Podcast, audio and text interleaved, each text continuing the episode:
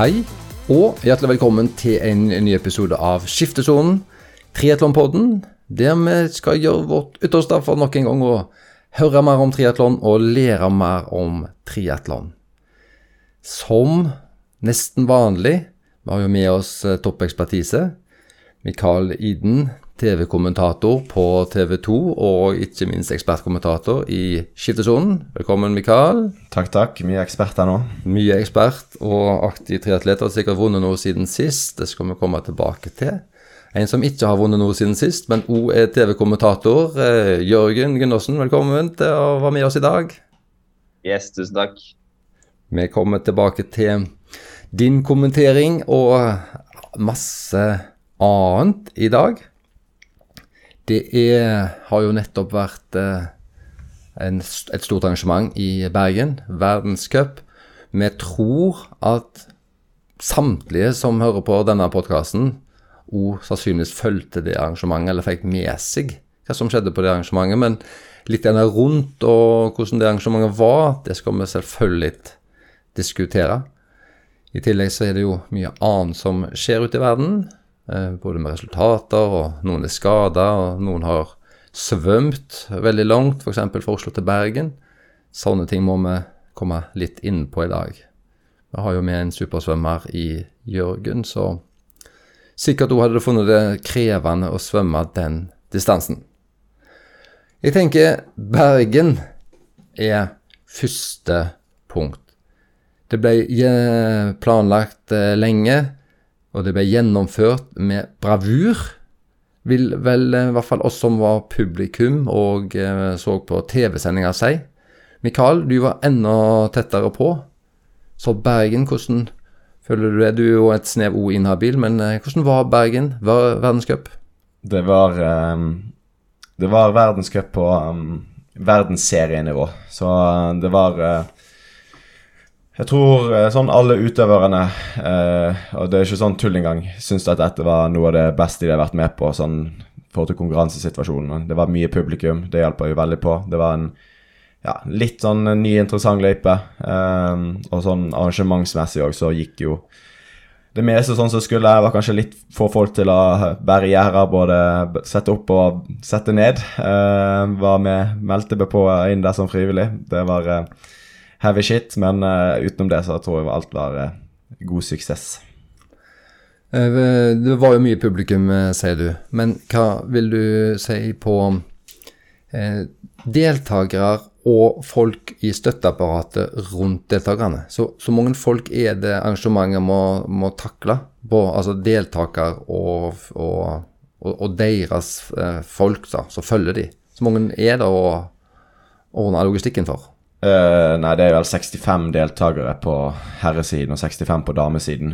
Uh, jeg vil ikke si at alle har med seg én support hver på sånne løp, for det er gjerne en nasjon som får én eller to trenerakkreditering.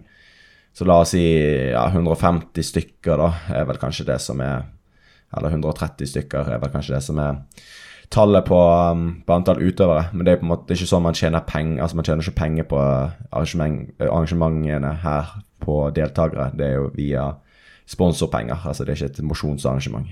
Men er det sånn at de, eh, altså organisasjonen, de som arrangerer, tar seg av de og lager et opplegg, eller er sånn at de ordner alt sjøl med å booke hotell og komme seg til og fra og sånt, eller er det sånn type eh, ja. Vi ordner bil til de og privatsjåfør og sånn? De gir gjerne et tilbud på hva som er racehotellet, da, men det er ikke alle som velger å bo der, så du kan jo bo egentlig hvor søren du vil.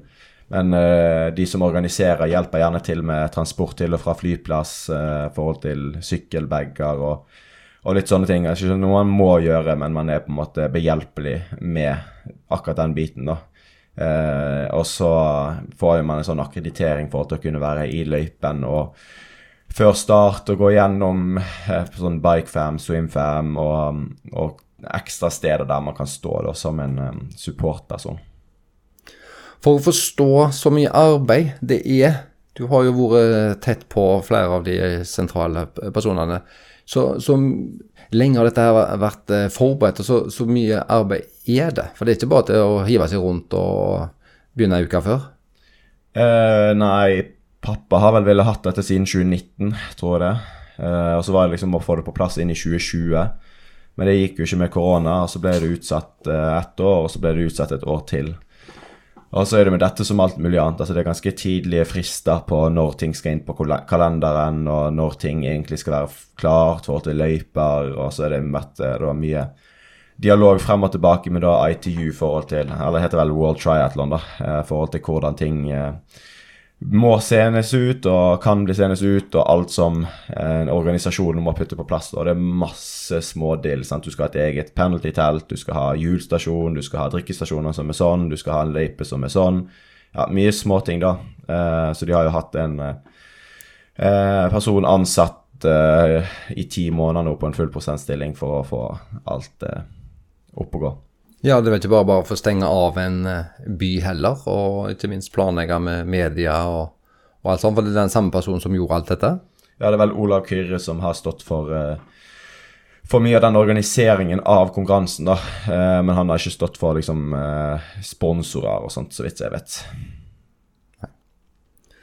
Vi skal komme mer tilbake til en del rundt løpet, men Jørgen du var jo med oss i en tidligere episode her og hadde jo en, en klar ambisjon om at Bergen var jo en plass som du hadde lyst til å, å være med. Eh, hjemmebane, eh, folkefesten og, og sånn. Eh, du sto der etterpå noen startlister. Kom litt for langt bak i køen. Hvordan var den eh, reisen mot Bergen? Nei, Jeg var jo en av flere jeg, som dro til Bergen uten å ha fått startplass. Og da sto jo vi på en venteliste. Og um, sånn som det er i ITU, så kan man uh, fremdeles få en plass selv om man ikke er på startlista uh, før, uh, før, briefing og før man henter racepack. Um, og både jeg og Sebastian dro jo til Bergen uten plass og sto på venteliste, og tenkte jo kanskje da at vi var det eneste da, som dro til Bergen for å satse på en plass uten å ha en plass. Men øh, vi da, når vi kom dit, så var vi nummer én og to på ventelisten. Da. da er det da bare én eller to som enten da ikke kommer og henter øh, startnummeret sitt, og, og, sånn at da kan vi ta det startnummeret. Eller at øh, det er noen som blir syk eller skada fra briefing, som er to dager før løpet, til løpet. da. Men uh, det var det jo en uh, fire-fem utlendinger som også hadde tenkt til. For er, vi er jo inne i en ganske viktig sånn uh, OL-syklus. Altså folk prøver å skaffe seg poeng og bedre ranking til, til OL. Og da er det veldig stor kamp om plassen i World Cup, spesielt på herresida. Så det var en del um, utøvere fra Polen, New Zealand, Canada som også gjorde det samme som meg, Sebastian. Dro dit og hoppet på plass. da. Og de var foran oss på, på rankinga, og da er de foran oss på ventelista. Så når vi kom dit og jeg så det, så jeg hadde ikke et stort håp om å få kjøre før jeg dro dit. Jeg så på det som en liten sjanse. Eh, men i og med at Bergen ikke er så langt unna, så var det jo bare å kjøre på. Men um, når vi så at uh, det sto en del andre utlendinger der også, etter de andre hadde vært og henta racepacken sin, så skjønte jeg fort at eh, det kunne bli tøft. Da, så tror jeg det var nummer fire eller fem på ventelista. Så da var det en del eh, utøvere foran meg der. Så da var det å dra tilbake til racefellet klokka ni, og da fikk vi beskjed da, om, eh, om det var noen som ikke hadde henta startnummer eller noe sånt. da. Men da kom dommer etter hvert sånn ti over ni cirka og sa at alle hadde henta startnummeret. Sorry, guys. Eh, det blir ikke noe, noe løp på dere. Men så snakka litt med polakken uh, som var der, og han sa sånn Nei, man kan fortsatt få startplass inntil 30 minutter før hvis noen blir syk eller noe de neste dagene. Så da var det sånn her Ja, OK, men liksom fire-fem stykker som blir syk, det er ikke så veldig stor sjanse for det. Men um, ja, så da var det egentlig bare å kjøre gjennom swimfam og bikefam og sånn tilfelle et eller annet som skulle skje. For det er jo sånn det er jo ikke en stor sjanse, men når man først er der, så er det jo bare å liksom Da er det bare å gjøre seg, gjøre seg klar. Men hvis det skulle åpne seg, da, så må du i hvert fall være klar, da, tenkte jeg, da. Så da var det bare å gjøre det som man pleier, og så vente og se. Men det var ikke sånn at jeg ble kjempeskuffa rett før fordi uh, det ikke var fire stykker som ble syk. Men jeg kjente det når startskuddet gikk, at da kom liksom ordentlig skuffelsen inn. Da var det en sånn ordentlig klump i magen. fordi jeg, jeg kjørte gjennom løypa på forhånd, og da fikk jeg liksom Det er jo en sjukt kul løype. Det er teknisk, det er brostein. Det er liksom Det er en ganske unik løype da, sett i ITU-sammenheng. Så Men når, liksom, når du ser eh, opp mot 20 000 tilskuere, hørte jeg noe om, liksom stå rundt løypa, og det var veldig spesielt å komme og være i Norge og se liksom en World Cup i Norge, liksom full rigg og brygge og alt. Så jeg tipper at alle norske som kjørte, de kjørte mye på adrenalin på, på den dagen. Altså. Ja, det, jo- det, har, det har vært publikum på andre løp òg, mye publikum. Men Mm. nå var jo det deg som nordmann de heit på. Ja. Det var liksom noe de ikke kjente på, eller de kjente selv. Gustav var jo den gruppe nummer to. Så sånn, det var jo fint å være aleine som nordmann i gruppe nummer to, for da heier jo alle på meg. Mm.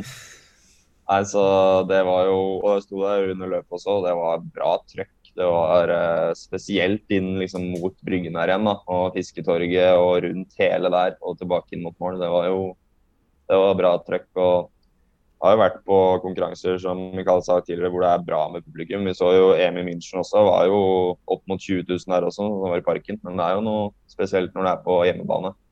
Og jeg tror jo også sånn arrangementmessig at eh, altså, de ser rutinert ut, og det ser ut som de kanskje har noen rutiner fra Bergen sykkel-VM der. At kanskje så politi og sånn. altså Det så veldig ryddig ut, da.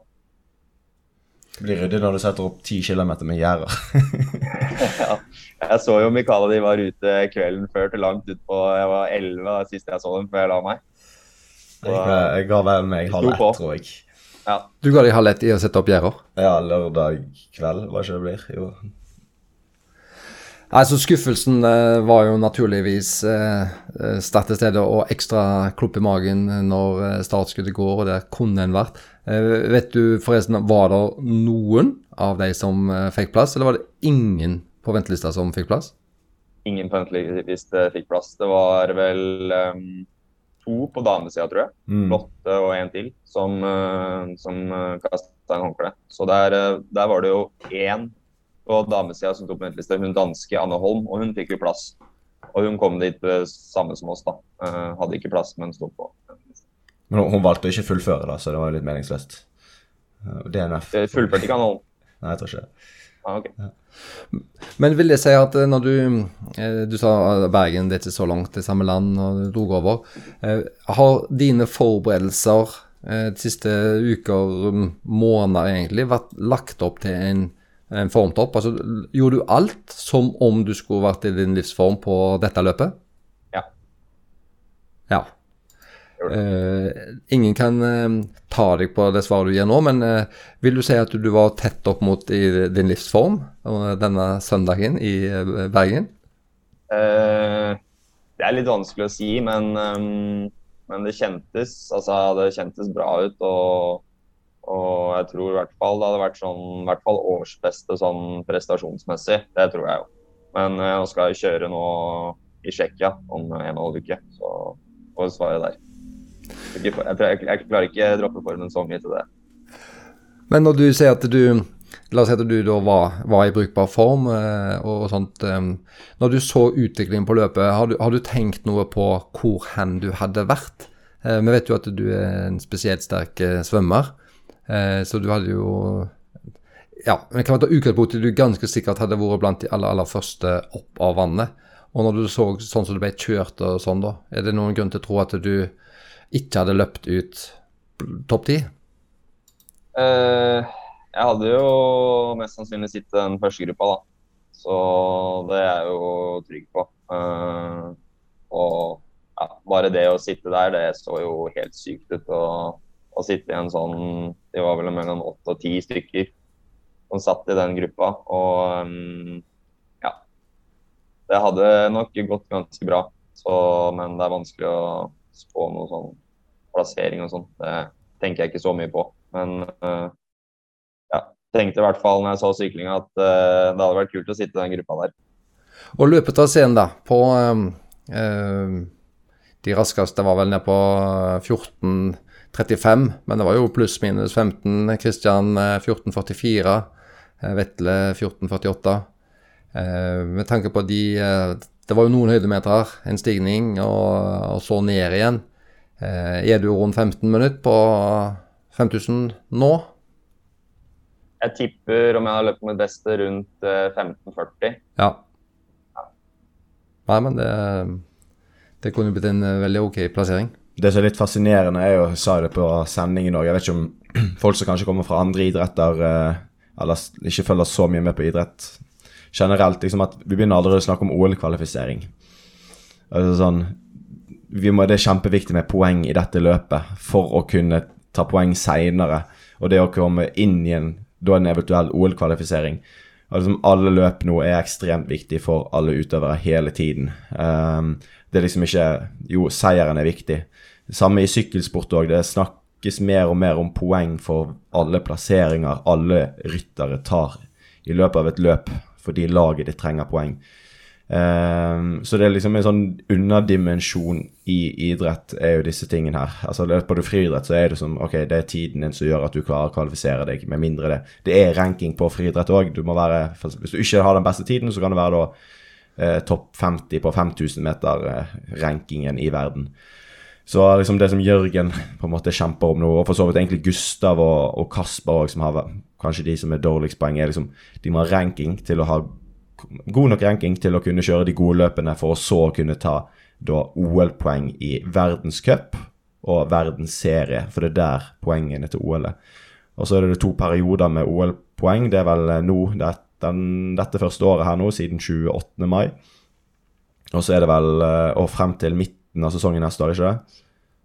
Jo. Og så er det vel eh, da siste del av sesongen neste år, og så inn til midten av sesongen i 2024. Det er på en måte to perioder. Og så er det de beste løpene dine, husker ikke om det er tre eller fire på hver periode, som da teller inn mot OL-kvalifiseringen. Litt sånn enkelt fortalt, kanskje ikke 100 riktig. Men for ditt eh, vedkommende her, Jørgen, du vil naturligvis kjøre opplevelsen opplevelsen hjemmebaneresultat, men, men er, er du der at du har tenkt tanken på å få OL-poeng? Eller er, liksom, er, er du mer Føler du at du ligger et hakk unna? Eh, eller drømmer du om OL?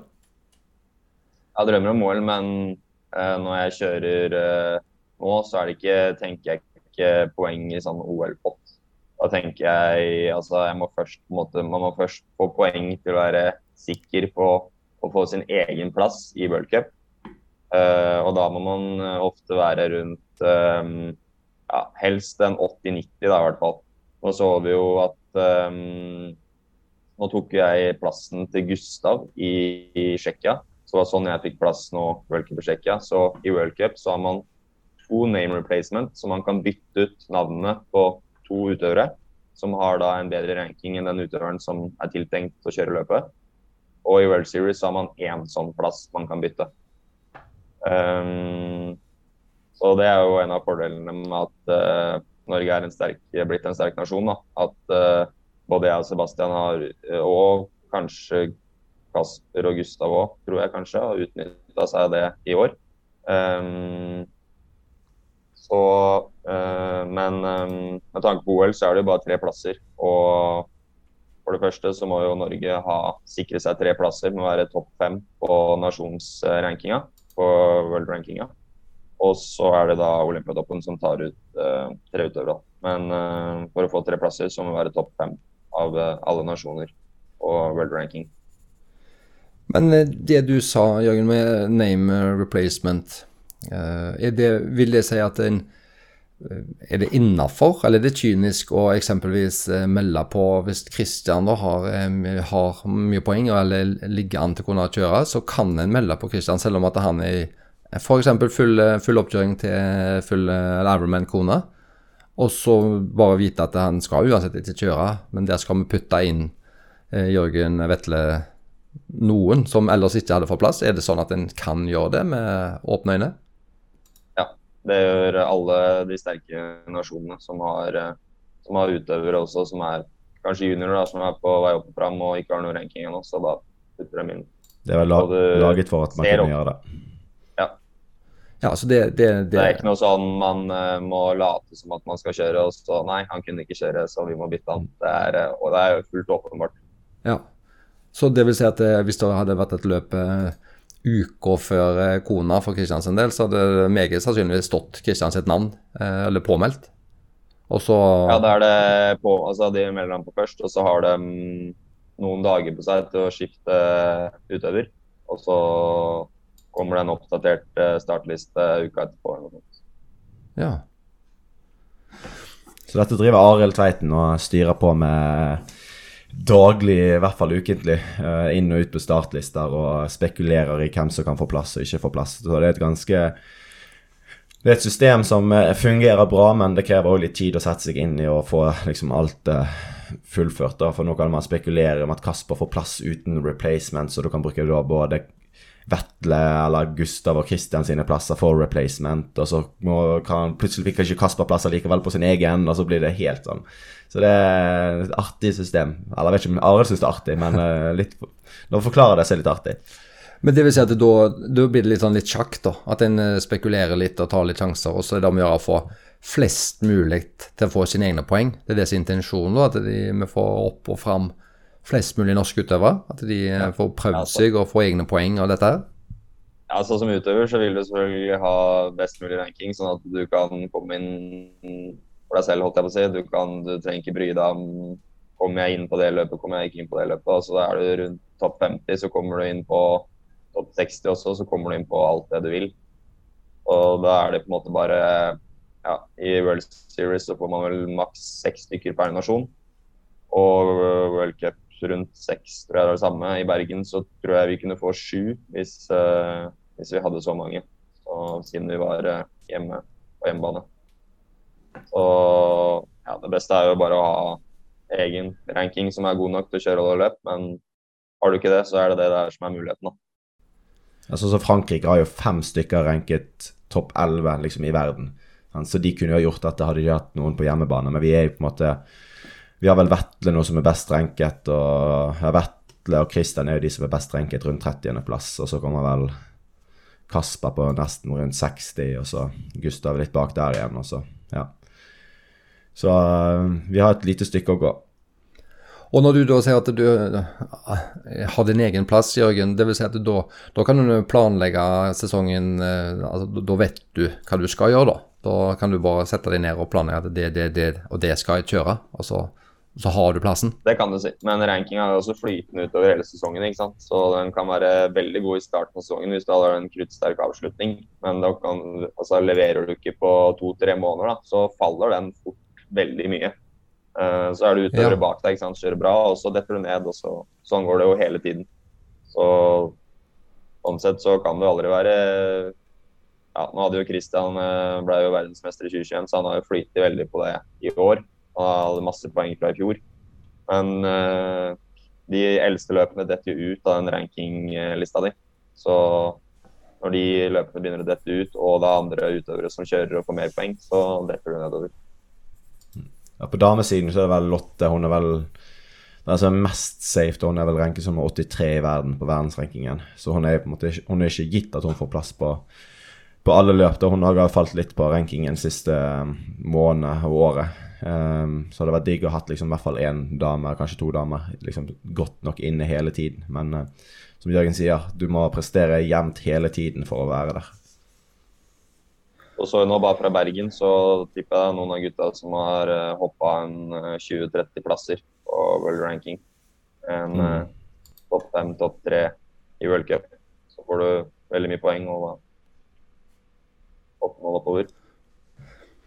Nei, men Det er jo fascinerende. Lykke til, Arild, å få og fram flest eh, mulig.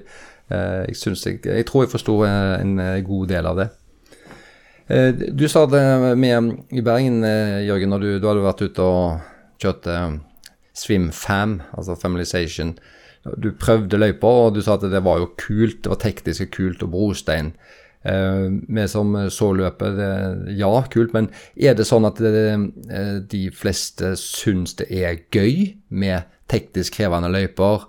Eh, brostein, du må ha obs, ting kan skje, smalt, svinger. Er det gøy for utøverne, eller er det å foretrekke å på en måte komme seg ned i bukken og bare mate på med masse vatt? Nei, det er gøy. Det er liksom det som jeg syns Altså, når det er sånne løyper, så er det setter det krav til alle tre disipliner på mer eller mindre lik linje. Altså, sykkel teller nesten like mye som løp, ikke sant. Fordi Eh, du kan bruke, hvis du er en sterk syklist, så når du kjører brostein, så, så er det mindre effekt av å ligge bak på hjul, som regel også. Når det er bygninger tett opp mot sidene. og Du så Christian slapp jo så vidt fram noen på to runder og bare kjørte på.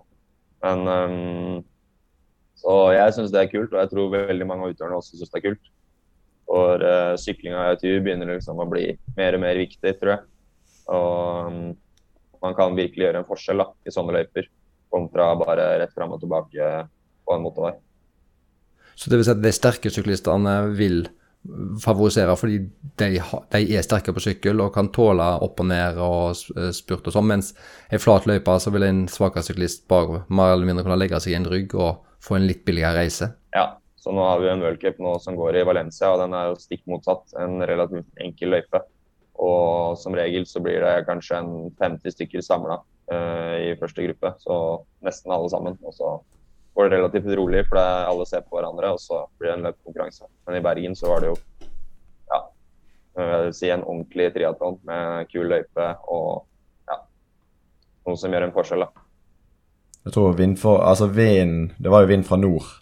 Spilte nok en rolle inn på hvordan feltene ble, sånn spesielt på damesiden. At det samlet seg når de kjørte nordover. Um, for da var det vanskelig å kjøre ifra. Og så var de tekniske, raske partiene på vei tilbake igjen. Og så kom de på ny nordavind opp mot Bontlabo, og så samlet det seg. Og så kjørte de fra hverandre i medvind igjen. Så um, vindforholdet ble òg litt avgjørende i løypen sånn som var nå. Hadde det vært null vind, så kanskje det hadde vært faktisk mer spredning tipper jeg. Um, og så var det vel òg på herreløpet så var jo det en motorsykkel som var uh, ga en effekt for førstegruppen. Eh, Christian så jo du fikk mye draft av å ligge først. Uh, så kan du tenke liksom at det var idiotisk han ligge først, men altså Det var mindre idiotisk han ligge først med en sånn motorsykkel som lå framme der. Og det at Gust, altså Gustav og Jonathan taper 40 eh, sekunder på gruppe 1, det er nok eh, kunstig mye med tanke på at eh, den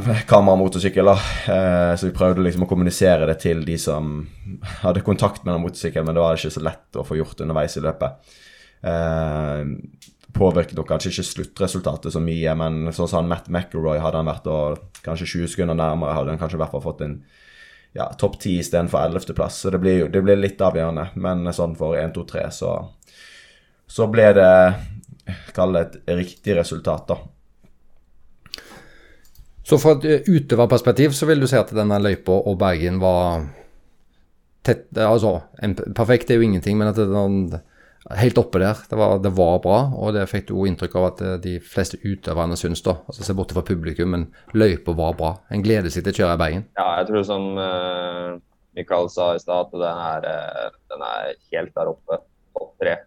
Kanskje du har uh, ikke vært i Leeds og kjørt, men der også har det sett bra ut på sine beste år. Kanskje ikke de siste årene hvor du har vært inne i parken der, når du går inn i byen der og du får ordentlig trøkk. Så, så, jeg tror Bergen er uh, helt der oppe. Og uh, ja, de bør bare fortsette å arrangere.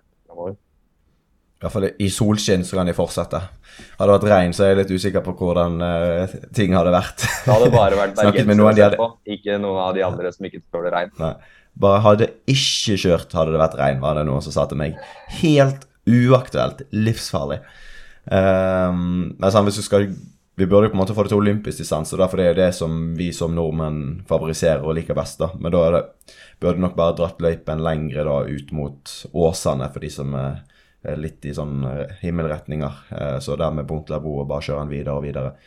En ekstra kilometer eller to, sånn at det slipper å bli så dominant med med brostein på de eh, rundene, så du har litt færre runder i forhold til distanse.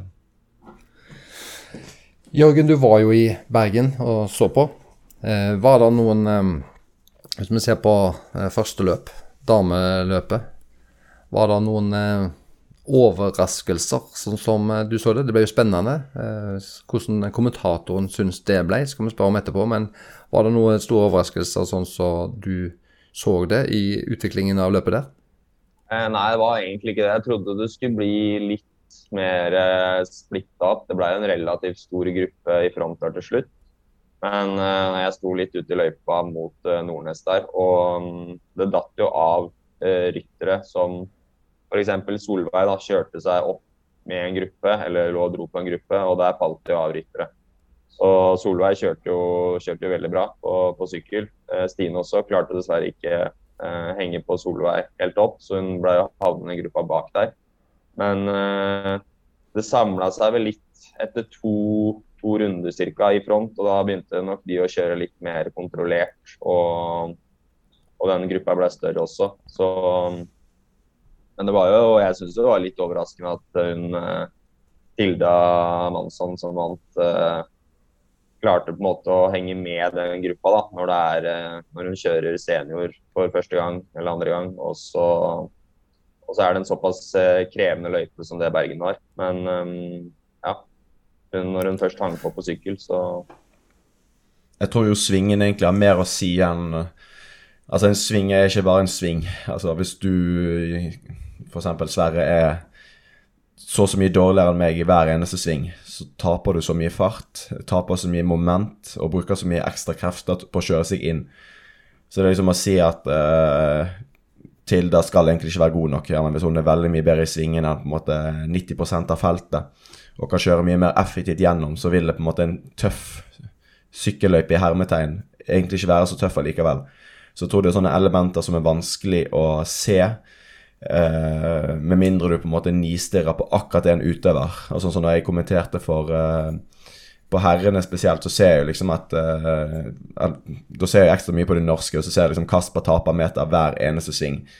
Og det blir utslagsgivende til slutt. Og det samme så vi på EM. sant? at Stine tok innersvingene hele tiden, selv om hun lå sist, istedenfor å stå liksom få mye mer fart gjennom hver eneste 180 grader siden hun uansett ligger eh, sist, så kan hun kjøre en helt annen sving. Og jeg tror de elementene der de er ekstremt viktige i denne konkurranseformen, men òg da litt sånn vanskelig å se sånn utenfra på hver enkelt utøver hvor, hvor god de er, eller hvor mye de taper, eller hvor mye energi bruker de.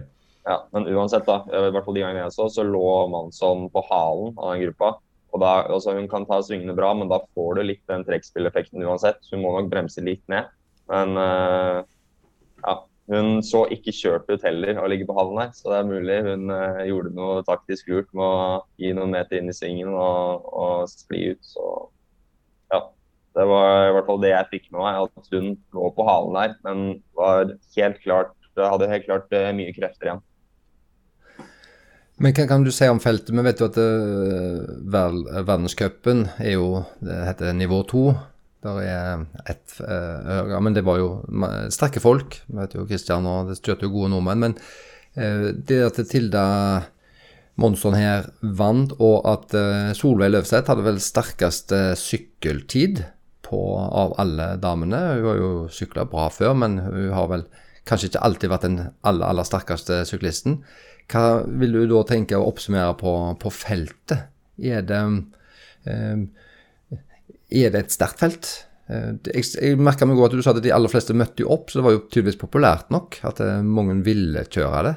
Men eh, var det veldig mye sekundær deltaker? Jeg vil si for, for damefeltet så var det et typisk World Cup-startfelt. Nivå to, som du sier. Men, men sterkt, og, og, en del sterke. Men altså ikke veldig mange av de topp ti-ranka som, som, var med. Mens på herresiden så syns jeg vi har der har vi, er vi oppe og, opp og lukter på litt World Series-felt. Eh, du har ikke, har ikke, de aller beste fra World Series der heller. Men um, ja, med tanke på at du har Christian som tok OL-gull i fjor, og du har Johnny som har OL-gull fra stafett i fjor og har ute med skade nå, men du hadde en del av de litt store kanonene som, som, du kanskje ikke hadde hos damene. Så på damefeltet hadde du ikke de aller beste britene, eller hadde ikke Duffy, eller ja. Det Men det er ikke et svakt felt? Det er jo et verdenscupfelt. Det er det som er greia. Ja. Mm. ja. Men jeg syns jo, um, hvis vi tar damene først Vi går ikke, drar ikke gjennom så mye, for vi tror jo at de fleste har uh, sett uh, sendingen eller fulgt uh, løpet. Men det at Tilda Monsteren fra Sverige, det er jo veldig gøy for oss. med liker jo å følge litt med på Sverige. Eh, og det at hun er født Hun er jo ti år yngre enn hun som kom eh, som eh, belgieren, som kom på annenplass. Tilda er født i 2004.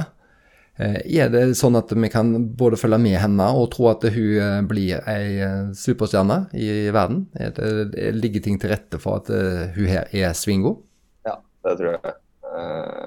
Det er, det er en del som har blitt juniorverdensmester, som har tatt steget opp og blitt veldig bra i senior også. Så og når hun nå ja, kommer i senior og tar allerede sin første worldcupseier nå i Bergen i en relativt tøff løype og bra worldcupstart, vel. Så ja, det, den fremtiden der er lyst.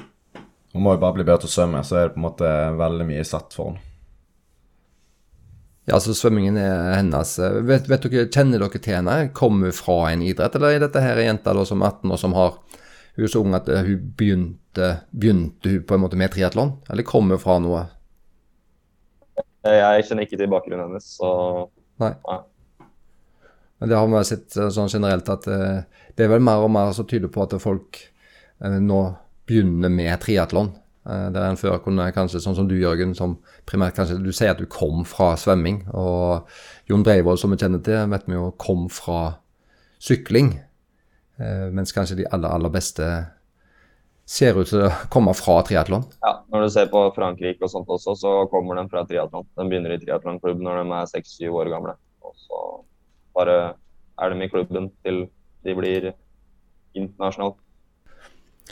Og så på eh, Det var spennende på eh, dameløpet. Det kom jo til deg bakfra og henta opp og klarte å vinne. Det var tight. Det gir jo en eh, god opplevelse for en kommentator, Mikael. Så I tillegg til at du var, du var god, så fikk du jo materie til å gjøre det spennende. Og så det, skjedde det jo akkurat det samme på, på herreløpet. Vi, vi, kjenner jo resultatene. Norsk, to norske på, på, pallen. Det var tight. Det, det, var spennende.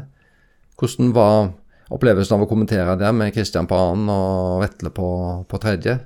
Dessverre slått av han eh, Dorian Connix fra, fra, fra Frankrike, da. Um, jeg husker ikke mye på hva jeg har sagt og ikke sagt. Uh, jeg tror ikke Jørgen kan skrive under på det. Så, Ja, vi satt ned der og kommenterte, så jeg vet, ikke, jeg vet ikke helt hva som skjedde. Men um, jo, jeg tror det var greit. Og det var, um, det var veldig god filming. Vi klarte å få et godt produkt som var lett å på en måte å kommentere til. Uh, vi hadde split screen når det trengtes, og hadde gitt beskjed om at vi skulle holde kamera um, eller vende tilbake til kamera hver gang de f.eks. passerte skiftesonen, eller når de gikk, uh, ut av skiftesonen. Noe som jeg har klaget mye på tidlig, at de begynner altfor tidlig å begynne å følge lederne uh, på sykkel. Så liksom de småtingene der gjorde jo produktet som vi leverte, mye bedre og mye bedre å forholde seg til. For vi hadde egentlig hele tiden oversikt over hvor alle var. Um, så da var det ganske kjekt og enkelt å gjøre det som jeg var satt til å gjøre. Vil det si at du så mer enn uh, oss? Du hadde flere skjermer som gikk uh, parallelt? Nei, jeg hadde ikke flere skjermer, så jeg så det samme som dere eh, så på TV-en. Um, jeg kunne sett mer, men det er ikke sånn man vanligvis kommenterer. Eh, det sitter folk i en sånn svær produserbuss og, og velger skjermer, eh, eller velger kamera som man skal, skal bruke og sende ut. Sitter de i bussen og hører på kommenteringen f.eks., sånn at de får et innblikk i hvor det er spennende, eller oi, nå hadde det vært hensiktsmessig å bytte kamera fordi nå snakker kommentatoren om dette? Eh, ja, det, de hører oss, så vi kan kommunisere med de og trykke på en slå av mikrofonene våre og snakke til dem hvis det så må gjøre, men de hører oss hele tiden. Så hadde vel Frank Pedersen fra forbundet, han var òg i den bussen, sånn at han kom med triatlon, på en måte, synet på ting, da, sånn at det ikke bare var noen helt tilfeldig som ikke hadde noe kunnskap til, eh, til, sporten som var med og kommenterte. Så jeg tror eh, og ganske, mener ganske sterkt at den videografien som vi hadde, var noe av det bedre da, for å følge hele løpet. Altså Det er lett å bare følge de første, men det er ikke alltid like interessant. da. For Du har tidligere kritisert en del eh, TV-sendinger som vi har sett, altså løp som har gått, enten har blitt streama eller har blitt eh, sendt på en eh, TV-flate. Klarer du å være kritisk til noe her? Er det fortsatt forbedringspotensial, eller er det dette som et norsk publikum kan i beste fall forvente å få fra en triatlonsending? Mm, nå har jeg ikke sett det sjøl hva de andre så. Altså, jeg har ikke sett helheten med kommentering og og bilder så er det vanskelig for meg å si, da. Men altså, det er jo ikke revolusjonerende, det vi har gjort. altså Det er det ikke. Men uh, det var uh, sånn som standarden bør være, sånn på et minimum i hvert fall. Men, men du kjenner jo igjen veldig mye folk på, på avstand. Så jeg var jo blir overraska over det. Så det betyr at du bare ser egentlig det samme som bildemessig. Du kjenner det igjen på tøy, på, på hjelm, på sykkel? Er det der du spotter de? Uh, ja, så har jeg, følger jeg med på timing. Så har jeg jo dere kan òg ha den på mobilen deres. altså Triatlon Live har ekstra timingmatter rundt i løypen. Så det som kommer på skjermen, er bare noen spesielt utvalgte. Men uh, hvis du følger med på de, da, så kan jo se at uh, det er hun belgiske og ikke hun andre belgiske, belgiske som er først. Uh, så jeg er ikke Jeg kjenner ikke alle utøverne så godt som jeg, dere får inntrykk for, da. Der er vel Jørgen litt bedre enn meg, da. Men jeg bruker timingmattene for det de er verdt. Ja, så det, det ga litt mening. Fordi mm. jeg var veldig imponert over det, og det jeg fortsatte. Men det ga litt mening at du, det er ikke en detalj på drakten, en detalj på hjelmen eller en detalj på sykkelen som gjør at du tar dem på avstand. Altså alltid. Nei, men du kjenner det igjen etter hvert når de begynner å passere litt. Men jeg hadde jo skrevet ned kommentarer på Jeg hadde skrevet liksom noe på Ja, nest, ja, alle damene hadde skrevet noe på, så hadde liksom noe å si i tilfelle de var i bildet. Og på herren òg så hadde jeg vel skrevet på alle utenom ti stykker, for det var liksom ikke Jeg visste at de kom til, ikke til å være noe interessant, eller liksom uansett. Så da har jeg i hvert fall noe å gå ut ifra. Sånn sånn ene fra Mexico, så visste jeg at hun var sånn. Eller han ene fra Italia. Jeg vet at han kjørte miksstafett for uh, Italia, så da på en måte gir det Har ingen story som sier at han er i hvert fall god på en kortere distanse, da, siden han blir valgt fra Italia til å kjøre det ene, ene løpet der, da. Um, så det er liksom, det er greit å ha noe. Um, World Triathlon kan jo gi Det fant, litt, fant jeg ut litt seint, de gir jo en sånn statistikk til han andre kommentatoren, han Christian Påske, sånn at han kunne Han slapp jo å skrive ned så mye shit på alt hele tiden, men han fikk statistikk på at Jan har kjørt så mange verdenscuper, fikk ha det så mange paller og liksom alt det der greiene da, så da har du i hvert fall noe å si om alle som gjør at du får et får litt bedre story. Jørgen, du sto jo enda flere timer. Du så jo selvfølgelig fulgte herreløpet. Eh, kjente, først kjente du selvfølgelig på den magefølelsen at filmen der skulle vært. og så når den følelsen hadde gitt seg og du var mer begeistra og fulgte med, eh, ble utviklingen og folkene som eh, kjempa, ble det sånn som du hadde sett for deg det, det løpet, eller var det noe du beit i merke der som var spennende? Eh, nei, først og fremst så var det jo spennende å se um, Christian og Gustav tilbake i ITU, og spesielt uh, Christian. Um, han var jo den beste før han gikk over til Ironman denne sesongen her. Så det var jo litt spennende å se hvordan han klarte å omstille seg sånn fra Ironman til ITU. Men um, han ble nummer to og ble slått av eh, men uh, jeg er sjukt imponert over uh, hvor raskt de klarte å omstille seg fra Ironman til kort distanse igjen. Og så jo allerede på sykkel at han hadde skikkelig punch opp de små knekkerne og opp på brosteinen. Og ja, det var, det var imponerende å se på. Og jeg tror jo løpsopplegget var litt sånn som jeg så for meg. Enten det, eller at det hadde blitt en større gruppe som hadde sprekt opp litt bak. da.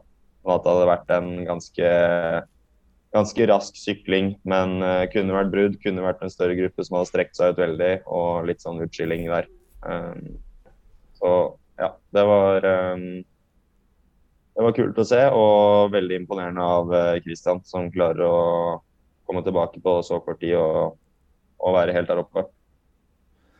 Ja, fordi uh, uh, Igjen neste øverste nivå, men det ble jo sagt her litt tidligere at det var jo et sterkt eh, herrefelt. Og han Dorian Cunnings der som, som vant. og det var jo en annen franskmann på fjerde, Tom Richard. Og Frankrike har jo ja, var det, topp, var det fem utøvere på topp elleve? Ja. ja, så de har jo et ekstremt sterkt lag. Så, så, på en måte det å kjøre jevnt med Connings der og få den sluttspurten, det, det setter jo Christian rett tilbake til verdenstoppen i all den tid at Connings er vel den, er vel den sterkeste har vært nå i uh, første del av sesongen.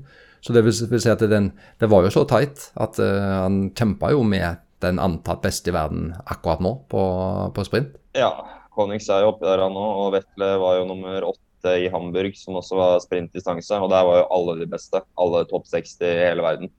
Så um, han er jo en måned da, med to måneder med litt spesifikk trening, så er han jo tilbake i hvert fall topp fem i verden da, på en sprint også, som ikke er hans uh, favorittdistanse. Det er olympisk som alle de beste norske utenom Vetle er best på. Så ja. Men altså, det, altså men hadde det vært en verdensserie, så hadde det vært mer slagkraft på sykkel første runden. da. Christian får de, første, altså han får de 15 sekundene opp igjen ganske billig. Skal man være litt streng på det, da. Eh, og få mange hjul å kjøre seg opp på. Og det er ikke gitt at man får på en sprint i, i verdensserien i dag. altså. Er du 16 sekunder bak etter søm, så er du, så er du langt bak, da. Eh, men han hadde jo Han kom seg opp her, da, på dette løpet. Men du sa det, Jørgen, at eh, altså, det er imponerende med en måned og to med spesifikk trening eh, fra langdistanse, og så klarer å levere så bra. Tror du, vi skal spørre Mikael etterpå, men tror du at eh, han kan gå spesifikt inn på eh, sprintforberedelser, eller må han ha i bakhodet og trene òg altså det han skal gjøre på uh, VM, i Kona, fulldistanse? Så tror du han har kjørt spesifikk sprinttrening, eller er det, må han òg gjøre noe som forbereder han til Kona? Eller kan han uh, gjøre det i to ulike bolker? Jeg, jeg, tror nok ikke han gjorde spesifikk sprinttrening, men han gjorde nok uh, mer trening som de gjorde før de begynte å kjøre disse Ironman-bolkene. Så, eh, så vidt jeg vet, så gjorde de jo allerede i Sierra en blanding av Ironman-bolk og kall det ITU-bolk. da, Så mer, eh, mer, terskel og mer, eh, litt mer eh, trøkk men, eh, ved Automax. Men um, jeg tror nok uh, han hadde veldig lyst til å kjøre, Det må jeg nesten spørre han selv om, men jeg tror han, han, sa i hvert fall at han hadde veldig lyst til å, å, å, kjøre bra i Bergen.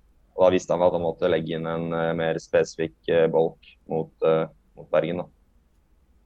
Hva tenker du Mikael? Vet du, Har han gått all in på denne Bergen, eller ligger kona i, i bakhodet hans? Altså, For det første, det er jo egentlig kun Gustav og Christian som kan gjøre dette, og spesielt Christian. Altså Det er ingen andre i verden som, som har noe som helst evne til å klare det. Eh, fordi man har egenskaper som gjør at man er god på Kall den olympiske distansen pluss, da. 70,3. Eh, og det å gå litt opp og litt ned er Det er vanskelig. Ekstremt vanskelig. Men er det noen som på en måte har det, så er det de to. Altså så er han Hayden Wild på Collinske forrige uke. altså han, han, er ekstremt god. Går du hakket ned, altså Superleague, eh, sprinttriatlon, olympisk triatlon, men går du lengre, så er det på en måte ikke da er ikke treningen der, og man har heller ikke ferdigheten til å være der. da. Eh, så kan du si at svømming, sykling, løping er jo svømming, sykling, løping, så det er ikke så langt ifra hverandre. Men um, eh, det er den svømmefarten som kanskje, og den biten der som kanskje er det vanskeligste for begge disse to. Eh, men eh, det å løpe f.eks. 250-fart, 255-fart, det er ikke eh, det er jo ikke noe som de er veldig ukjente med. Altså, det er bare å gjøre terskeldragene kortere, så er de veldig mye nærme Altså, de er veldig nærme konkurransefarten, da. Men man skal selvfølgelig vite hva man holder på med.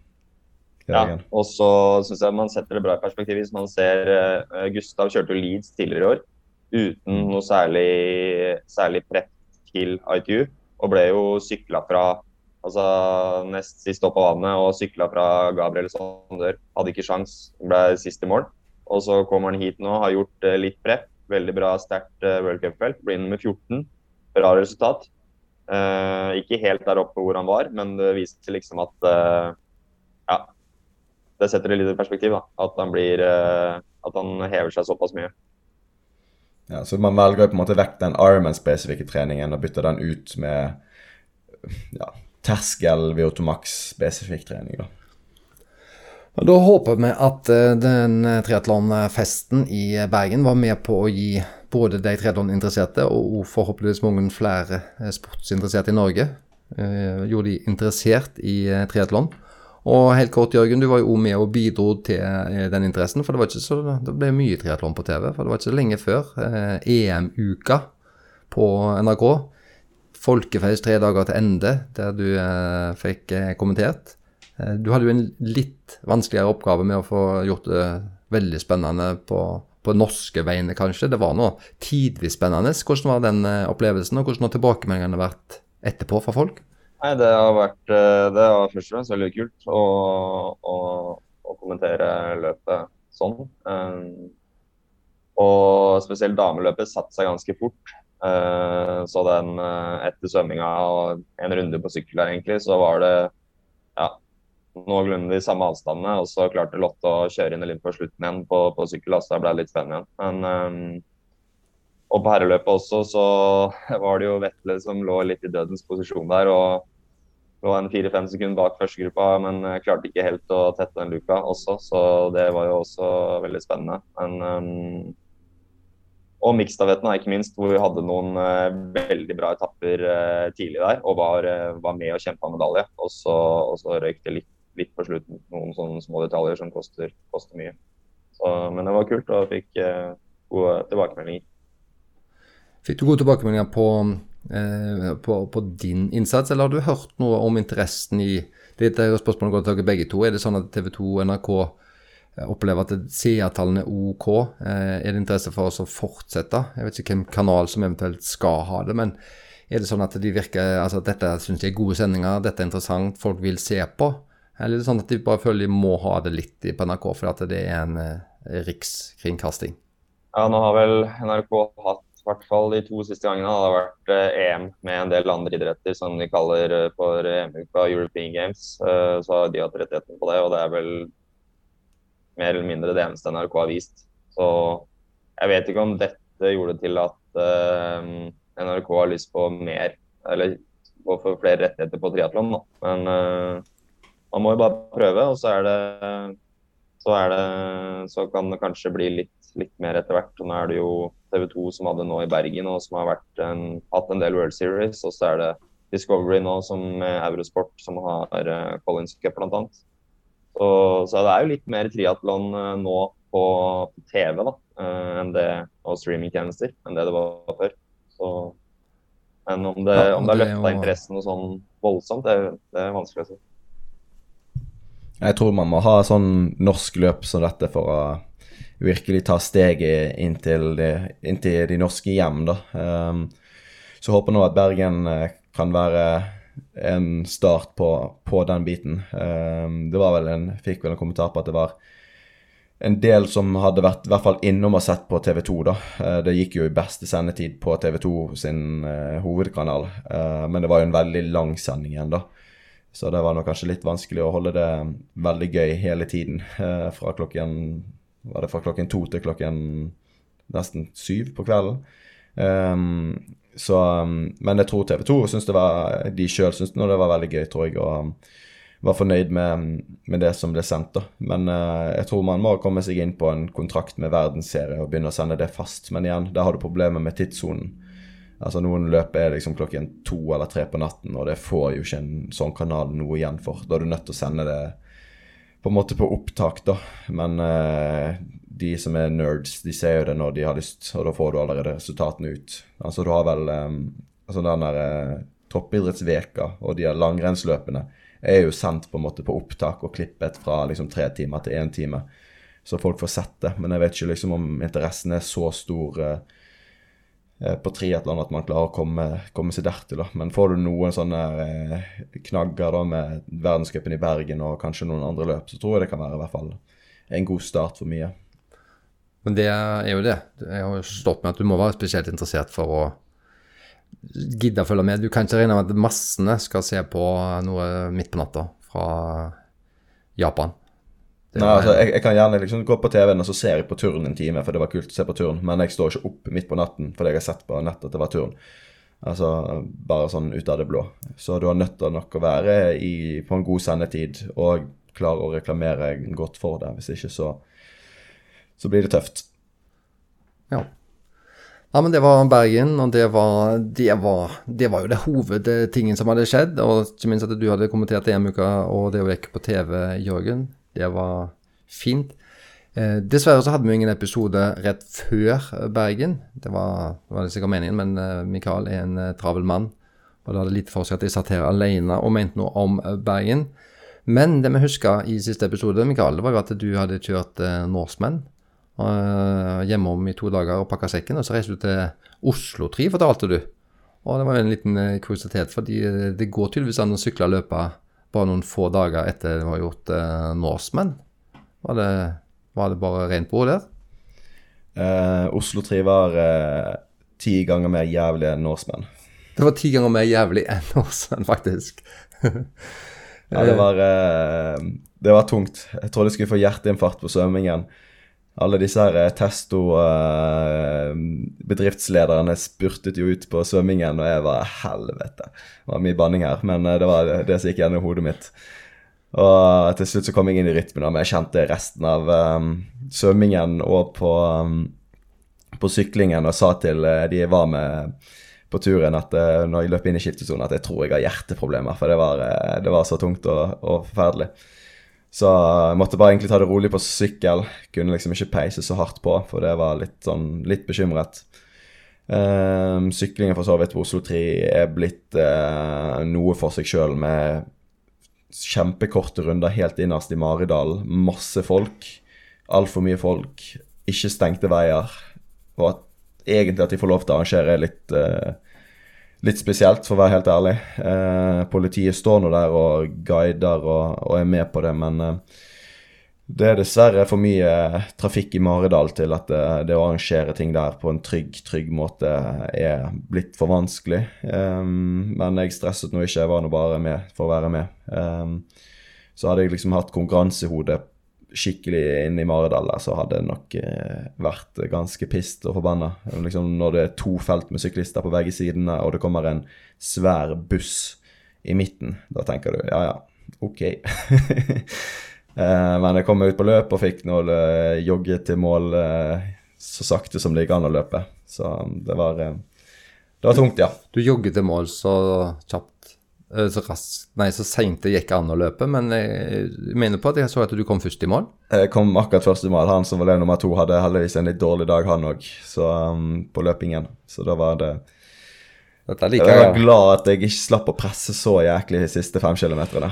Dette hørtes like cocky ut som at du stilte Norseman uten forberedelser. Så viste det seg at det, det forberedelsene var Du hadde jo trent en god del. Altså nå jogga rolig i mål og vant. Jeg jogget ikke rolig, men jeg jogget sakte. Det var ikke rolig. Det var helt forferdelig.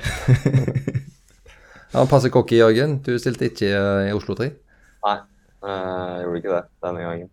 Det er noen år siden jeg har kjørt her nå. Men uh, det er jo litt som eh, Mikael sier det der. Det er, det er jo grunnen til at de kjører inni der, da. Det er fordi de har lagt ny asfalt. Det merka sikkert Mikael da. Mm. Men det blir jo Det er jo veldig mange deltakere, og det blir jo ganske mange i den lille sløyfa. Og det, asfalten er veldig dårlig fram til det, det innerste i, Maridalen hvor asfalten er god. Så det blir jo da enten å, å kjøre gjennom opp og vende der hvor man gjorde det før med den dårlige asfalten, eller så er det jo da å kjøre flere runder der nede, da. Men det hørtes ikke ut som det var en sånn kjempeløsning heller. Jeg fikk en melding eh, inn på, til skiftesonen der det var kommentert at eh, søster til Christian Blummefelt eh, deltok. Er det noe som tilsier at eh, hun har eh, blitt skapt av akkurat de samme genene som broren, eller? Eller i hvert fall en god del av de samme genene? Jeg forsto det sånn at hun muligens hun hadde gjort det ok. Driver hun seriøst med triatlon, hun? Vet dere, Kjenner dere henne? Hun drev vel med noe styrkeløfting tidligere og var veldig god. Jeg tror hun er europamester. Europa europeisk mester på en av de øvelsene. Det er så mange øvelser der. Uh, men um, hvis jeg ikke tar helt feil, så tror jeg hun um, uh, ble nummer tre på, på, sprinten på Oslo 3, da. Så på 1 time og 29 minutter, rett under 1 12 time, så tror jeg det var debuten òg på, på, det. Ja, så det ligger Så det er to det er vel tre år til OL. Nei, to år til OL, så det var gå for det. ja, men det var jo gøy. Det var Oslo, og det var triatlon. Eh, eh, vi var jo inne på eh, VM med kona. Det må vi ha en episode om senere, Mikael. Du skal jo være med og nedover, har jeg forstått, og det er forberedelser til det. Men det er vel i hvert fall noen som åpenbart ikke skal være med. Og det var vel en av de guttene som kanskje Kristian og Gustav hadde hatt ekstra lyst til å slå. Jan for det nå er vel avklart. Er, er ute med skade. Driver på med rekonvalens etter skade nå og bygger seg opp igjen å kalle en 40 år gammel eh, person gutt blir vel litt, uh, litt for mye. Han er vel uh, gammel mann blitt. Men jo, han, han, hadde veltet på sykkel for ikke så mange måneder siden. Og så hadde det nok blitt en betennelsessåropplegg i, i det som skjedde i hoften, og ut ifra det så måtte han plutselig operere. Så um, jeg har ikke helt forstått hva det var for noe, men det er noen uker siden han, uh, i hvert fall to uker siden han annonserte det, at uh, nå blir det definitivt ikke kona. Så det var ikke akillesen denne gangen, det som han har slitt med, men det var rett og slett en ny skade fra en, fra en, da, en tidligere sykkelvelt. Så det var jo kjedelig at han er ute, men det virker som at han skal kjøre neste år, sier han. Ja, da satser vel de norske på, på OL. Kanskje derfor han eh, tenker at det er godt at de ikke er med. Eh, enda verre enn hans skade var jo eh, var det, Du hørte når du var, du var på treningsleir, så hørte du om en eh, japansk triatlet som eh, døde i trafikken. Ja, um, tenkte å ta det med, men vi hadde jo et rulleski, en uh, landslagsutøver på rulleski som ble drept uh, rett ut, i utgangen av tunnel for ikke så lenge siden. og når vi var på treningsleir i Font Fontremø, så fikk vi høre at det var en, den japanske triatleten Tushudo eh, Miyazaki, eh, som eh, ble truffet av en bil eh, på trening i Frankrike og, eh, og døde. Hun var jo på tren, trente mot Paris-OL, så det var utrolig trist å høre. Det var jo en del faktisk japanske utøvere som var og trente i den Paula La Susa sin treningsgruppe der nede. Ja, det er tragisk, og det er obs om de Vi hører om skader av flere, og det er jo ekstra tragisk når det skjer. Altså, vi må bare um, Vær forsiktig i trafikken og ha på lys, og um, bruk busslommer for å slippe forbi. Det er ikke vits i å skape mer uh, ja, amper og kjip stemning enn uh, det trengs å være. Så um, vær forsiktig. Ta og gjør hardøkta deres på veier man er veldig trygg på. Og um, forsiktig med bremsen, og bruk det så dere kan for å være helt trygg. Og det var vel en skade til. Var det Cedric som hadde fått en sykkelskade? Det var vel ikke noe fall, men eh, skade like fullt? Ja, Cedric han um, var vel ganske tidlig i år at han, uh, at han måtte uh, kaste inn håndkle uh, sånn triatlonmessig. Han har fått, så vidt jeg vet, runners knee på andre siden av eh, der, eller andre foten av der han hadde sist. Han har jo slitt med den skaden før og vært operert to ganger. Så han har nå fått eh, Det var vel etter den worldcupen i Arsashena hvor han, eh, hvor han begynte å slite med det. Og har gått over til sykling nå. Og har sykla en del sykleritt. Sykla sist Norgescupen i Kongsvinger. Så jeg tror han satser mot uh, Uno X uh, Tour, uh, den development, de development-rittene til Uno X som går i hvert fall Gylne gutter og et sted til som jeg ikke kommer på. Og han har i hvert fall sagt gjennom sine YouTube-videoer også at han um, satser sykkel til det rittet, i hvert fall. Og så får vi høre noe mer fra han etter det. Ja, Han var vel ikke så giret på å operere på nytt uten å helt vite hva konsekvensene blir. Så da um, blir det sykkelsatsing på han uh, på ubestemt tid. Uh, og ja, får se, se vel litt an hva som skjer med triatlon. Så um, vi kan oppfordre folk til å gå inn og se på YouTuben til Cedric, så får han litt uh, ad-reklame, sponsorpenger. Er det noen løp som, er, som har vært, som er verdt å ta med seg? Det har vært noe uh, Iron Man Var vel en nordmann, uh, Lars Petter Stormo. Kjørte i København. Annenplass. Var det et eh, var det, uh, Kjører han proff, eller kjører han age group? Nå var vel København bare age group i år. Ja. Um, og Lars Petter ble nummer to overall i mål på herresiden. Uh, han vant vel sin age group, hvis jeg ikke tar helt feil. Uh, men løpet inn på akkurat under tre timer på maraton der og ble vel uh, fikk vel tiden 8.27, som er pers. Um, så bra kjørt av Lars Petter. Uh, fortsatt i god form etter uh, hadde en liten sånn proffsatsing for noen år siden. Uh, Trude Stormo ble nummer syv på overall på damesiden på um, 9, 40, nesten 47. Og så hadde vi vel han broren til Trude, hva er det han heter nå igjen? Jarle. Jarle, ja. Han lå vel an til en uh, helt sinnssykt fenomenal tid, men uh, fikk problemer med løpebeina så vidt som jeg eller var det magen kanskje, Uh, underveis, som måtte gi seg. Så han syntes jo det var veldig kjedelig ut fra det som jeg leste på sosiale medier. Så det var en del, uh, del um, nordmenn som kjørte der. Dag, samme dag var det vel um, Ironman i Sverige, Kalmar, en av de mest tradisjonsrike. Der uh, fikk uh, uh, vår kjære venn Alistair Brownlee en god seier, og nå er han faktisk kvalifisert til Hawaii. Um, og det var jo litt sånn spenning rundt om han skulle klare det eller ikke, men det gjorde han vant på en ganske overbevisende maratontid på 2,40. Totaltid 7,39. Jeg eh, fikk syklet med lillebror Johnny på mandag. En liten tretimers med Johnny og viste han The Fjords, Norwegian Fjords. Og han eh, kunne melde at eh, Alistair var eh, ødelagt muskulært eh, dagen etter og så vidt kunne gå, men at han var i godt mot og var klar for, eh, for videre dyst. Så jeg håper ikke at jeg får kjeft av Johnny for å ha fortalt det videre. veldig fin fyr, han. Eh, og så hadde vi òg faktisk en Ironman dagen etterpå i Canada. Den tar jeg med, for det var siste kvalifiseringsløp til eh, Kona. Og da hadde jeg en utøver, Colin Chatier.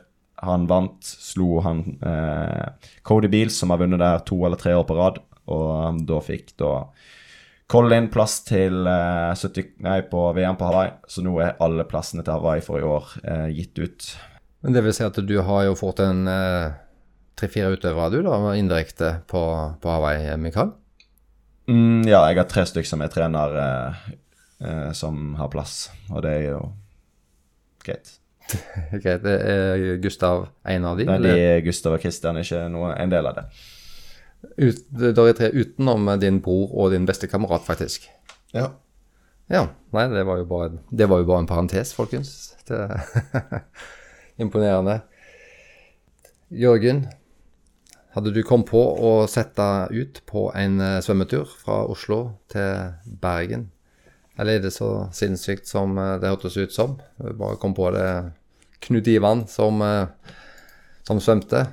Latterlig eh, bra. Det kan godt være det er latterlig å sette ut på do. Hva tenker du om, om det? Jeg, jeg tror det, det, er vanskelig for meg å, å liksom se altså, prøve å, å, se for seg det der. For det, det er fryktelig langt, da. Og så mm, Nei, det er vel bare å ta av seg hatten, egentlig. Og, og svømte liksom ja, 20-30 km hver dag, da. Uh, I relativt røff sjø til tider. Uh, ganske hissig motstrøm til tider. Fulgte med på den Facebook-sida hans underveis. da og så jo, så jo hvordan det var. Uh, og ja, det var vel noen som kanskje ikke helt trodde på at han kom til å klare det, og han var vel sikkert litt usikker selv også. Men uh, nei, han bare kjørte på. Uh, imponerende. Ja, imponerende. Jeg tror det sto mellom 15 og 33 km. Og lå dagsetappene på i halvannen måned. Og han var vel aldri på land heller. Altså, han Sov i, ja, i båt. Det lengste jeg har svømt på én svømmeøkt, da er 12 km. Og så Da er du ganske sliten etterpå. Altså ligger han og kjører opp mot 33 km per dag da, i open water. Så men jeg er egentlig litt overrasket over at han ikke bare fortsatte hele veien nord. Jeg. Eh, så jeg er nesten litt skuffet. Uh, så man begynner i Kristiansand neste år og tar helt til Nordkapp. Bør det jo, eller Lindesnes Nordkapp bør vel være målet neste år. Så det er Knut Ivan. Vi, vi, vi utfordrer deg til å høyne her nå. Nei, det var, det var, det var en liten Vi var ute i Vågen og svømte i Bergen. Det var jo 15-16 grader. Og det har jo han drevet og bada i mange timer. Uh, vi går uh, mot en uh, liten slutt, men Superleague starter til helga. Og det har jeg vel forstått altså det er jo både kult og spennende konsept, men det er vel i hvert fall ingen nordmenn i år på startstreken. Hvordan blir det, Mikael? Det er fem neste helgene, altså begynner 4.9. Så eh, er Superleague-sirkus i gang igjen. Det selges vel på deres egne kanaler, tror jeg, på uh, YouTube. Um, men ingen nordmenn med, og Superliga har vel mistet det litt av det trøkket som de hadde for noen år siden. Um, så jeg skal ikke, skal ikke, ikke oppfordre dere til å se på det, men jeg har mistet litt, uh, litt piffen på det. Så begynner London 4.9. Så er det Munich 11.9. Malibu 17.9. Toulouse 2.10. Og så er det vel finalen som er eh, i Saudi-Arabia 29.10. i Neom. Jeg har hørt noen rykter på at den kanskje ikke blir noe av, at den flyttes. Eh, så eh, litt eh, spesielt at de skal eh, gå dertil. Men eh, resten får vi satse på blir, eh, blir ok underholdning. Det har jo egentlig vært litt kult, selv om du nå antyder at du var litt, litt eh, ferdig med det. Så syns jeg egentlig det er gøy. Men det er klart at det er jo kjekt når det er navnet en kjenner. og Det er vel plenty eh, sterke navn. Alex Yi som eh, vel kom på annenplass bak Christian i OL, stiller jo. Og det er jo, det er jo egentlig da de mange sterke navn. Eh, ja, så det er jo mm, Du har Yi, du har Vincent Louis, Hayden Wild, Jonathan Brownlee på, um, på herresiden. Georgia Taylor Brown, Vicky Holland, Leonie, Cassandra. Så det er mange store navn, da. Eh, men eh, ja, de får ganske mye penger for å delta, så jeg tror kanskje at dette blir noe av det siste vi ser av Superleague. Ja. Men eh, en ting vi kommer til å se, det var vintertriatlon. Verdensmesterskap. Så har reist langt og endt opp i Norge til, i 2023. Eh, ja, det er en del av eh, den eh, Det Bergen har prøvd å få til. Altså Åsane sykleklubb og Bergen triatlonklubb via sitt eh, eventselskap, Bergen Triatlon Events, eh, har søkt om eh, for å kunne få egentlig ekstra midler til å kunne drive drive virksomheten, og det har de fått nå. Med et verdensmesterskap så får du en, en god del penger. da, så Fra NRK her står det at de får eh, fire millioner fra Kulturdepartementet til å arrangere VM, um, som skal, uh, skal brukes på mesterskapet og utvikle organisasjonen. Så det begynner vel allerede på Lillehammer, eller Skeikampen, som Jørgen eh, spesifiserte det til. eh, nå i 2023. Så da får vi satse på at det blir snø i vinter, og at ikke klimakrisen har tatt helt. Ja, Hans Christian Tungesvik har jo en god erfaring fra VM i vintertriatlon før, så jeg håper at han legger seg i selen og representerer Norge på en stolt måte og, på Skeikampen. Avslutning. Ungdomsmesterskap. Det er jo litt sånn gøy å se hvem som kommer, kan komme opp. Det er ungdomsmesterskap, UM, triatlon, eh, Mikael. Er det avgjort, eller er det et løp igjen? Nå er ungdomscupen avgjort. Vi tok ikke med ungdomsresultatene på, som var i Trønder 3, supersprinten der. Så det har vært tre løp i år. Halsnes, eh, Trønder 3 og Bergen. Ganske kompakt uh, liten sesong. Eh, Halsnes-resultatene tar jeg ikke i dag, men eh, vi kan ta UM-resultatene. Og det var Ingvild Horgen som vant på rekrutt. 13-14 for damer. Nanna Jensehaugen på andre, og Nelly Santa, Mar Santa Marta, som tok tredjeplassen. På ungdom kvinner, altså 15-16 år, Pernille Rønnevik, Maren Bjorli og Elinor Fossheim Solberg tok eh, første, andre og tredjeplass. På rekruttmenn eh, var tre stykker med. Det, var, det er da 13-14. Kristian Haugetun vant. Andreas Gustavsen på andre og Ola Nærum på tredjeplass. Og ungdommen 15-16, der vant Felix Almlauf eh, foran Noah eh, Aarøy og Eirik Alexander Håkonsson. Og det har resultat, resultert i en supersprint-cup som eh, da Nanna Jensehaugen vant fra OI. Ingvild Horgen tok andreplassen. Hun er Skarpheim eh, idrettslag. Og Nelly Santa Maria, det er jo de samme utøverne fra Trondheim triatlonklubb, tok tredjeplassen. Det var da jenta 13-14. Gutta 13-14, så var det Kristian Haugetun som vant totalt.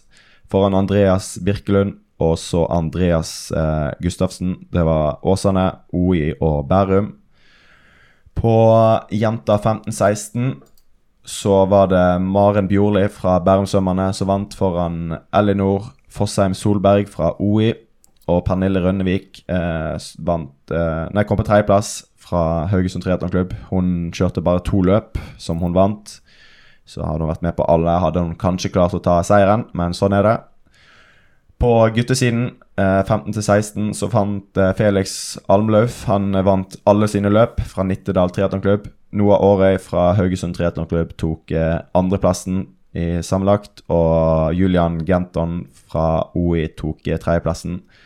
Kanskje den eh, mest eh, De ungdomsklassene er vel de som er mest eh, konkurranse rundt, så det var vel ikke så mange poeng som skilte skilte alle utøverne der. Så det var et spennende Junior og elite og age group skal vel avgjøres på Os kommende helg. Så der er det vel litt for seint å venne seg for, tror jeg. Hvis ikke så er det bare å sjekke det og hive seg med for å få de poengene. Så vil jeg ta med en kommentar om regelverket. Vi har jo vært, eh, snakket litt om det her når det kom, det nye ungdomsregelverket. Og på Bergen triatlon, eller ikke Bergen triatlon, hva heter egentlig arrangementet der oppe for ungdommene? Ja, det er ikke godt å si. Eh, nå i helgen, under verdenscupen, så fikk jo ungdommene konkurrere i samme løype og, eh, på ungdomscupen. Og eh, der står jeg med en gjeng eh, som eh, står med skiftesonen fra um, sykkel til løping. Utøver som kom på uh, tredjeplass på herresiden, eh, klipper av seg hjelmen, altså trykker av stroppen idet han går, over, eh, går inn i skiftesonen før satt fra seg sykkel. Dommer registrerer det, men ikke kjapt nok til å kunne gjøre noe med det, og utøver løper ut. Eh, vi som står her, nevner det til dommer, men det er for seint å gjøre og gi en sanksjon. Og nå ble det vel da rundt ti sekunder eh, forskjell i tid fra den som kom på tredjeplass og den som kom på fjerdeplass. Um, så jeg mener dette er en veldig stor svakhet i det nye regelverket. Um, for hvis ikke du klarer å se sanksjonen kjapt nok til å kunne bevege deg i løypen kjapt nok til å kunne stoppe utøver, uh, så fungerer fungerer det ikke. Istedenfor det gamle regelverket, der dommer ser, rapporterer inn til en tavle som kommer seinere i løypen. Uh, men det å liksom rapportere frem og tilbake til dommere for å kunne gi beskjed til utøver der og da, i det på en måte regelbruddet skjer, det er ikke gjennomførbart, for det går for fort. For Det var vel det vi snakka om på en tidligere episode. At uh, i stedet for straff, så skal en f.eks. snakke til de, og ja. at det kanskje kan ta tilsvarende tid. Jørgen, ja, hadde en kommentar? Det er ikke penalty box uh, på ungdom, nei. nei. Det var den som ble fjerna på, på, tinget, så men, da er det en, på en måte en form for tilsnakk. Med de nye reglene her nå, så er det til, tilsnakk underveis, eller er det tilsnakk etterpå? Mm.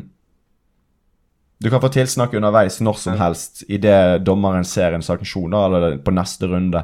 Men det som jeg mener er svakheten, er at du rekker ikke å gi tilsnakket. Sånn som i skiftesonen, hvor du må liksom stå helt på enden av skiftesonen og så se utover gjøre denne feilen. Eller da en dommer som står med dismount line, må klare å, da må den skrike til den som står på i enden av dismount line. For dommeren kan ikke plutselig bare stoppe og følge med på de andre utøverne. Sånn, skal den som står på dismount line plutselig stoppe og, og, følge med for å løpe etter den utøveren som, som hoppet forbi, da, f.eks.? For det går ikke.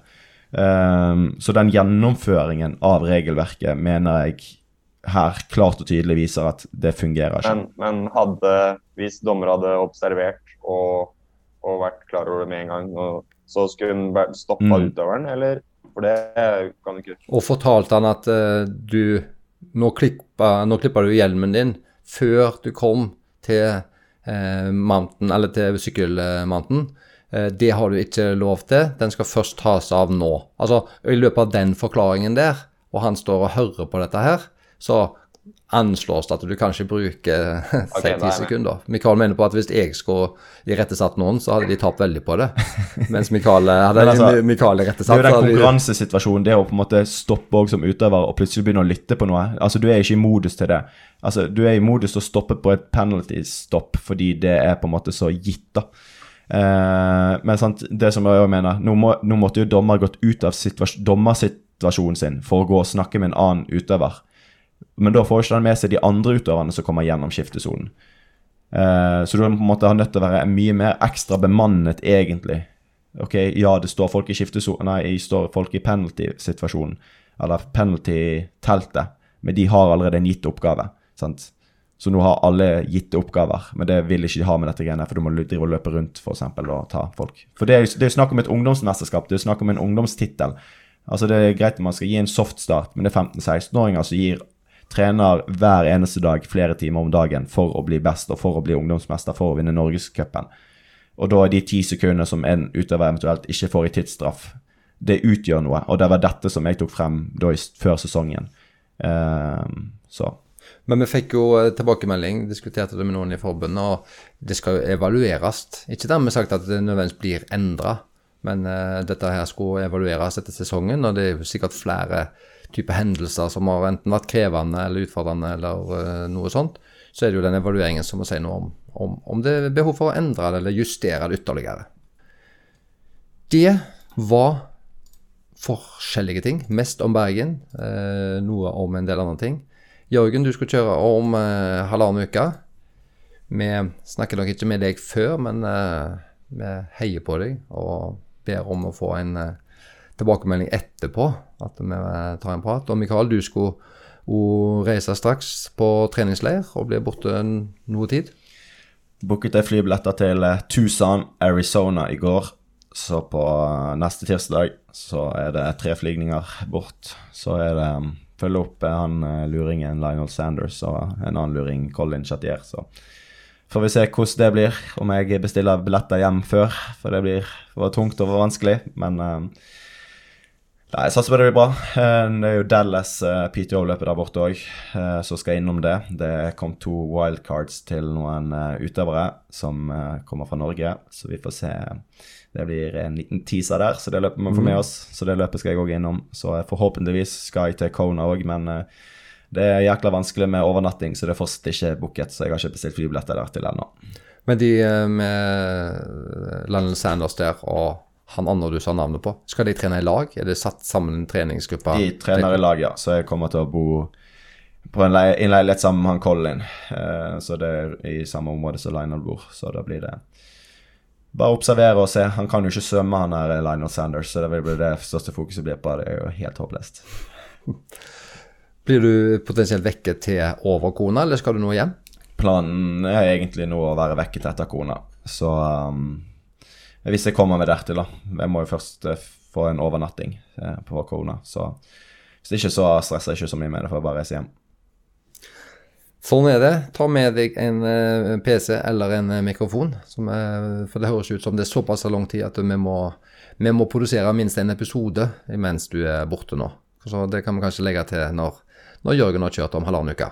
Det kan vi prøve på. Så ikke kan Jørgen og dere du ta en episode. Ja, så det er så må vi det- ja, Jørgen er jo eh, Han har jo sagt ja til å bidra når han har tid. Men han har det jo travelt. Han skal sikkert straks ut og trene, eller skole nå. Er det skole i dag, eller er det trening nå?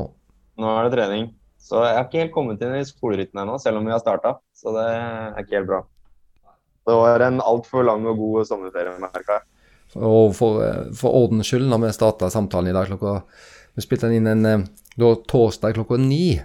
Og det eh, lurte på Når han kom opp i skjermen, så lurte Mikael på om at det var en eh, bassengsveis.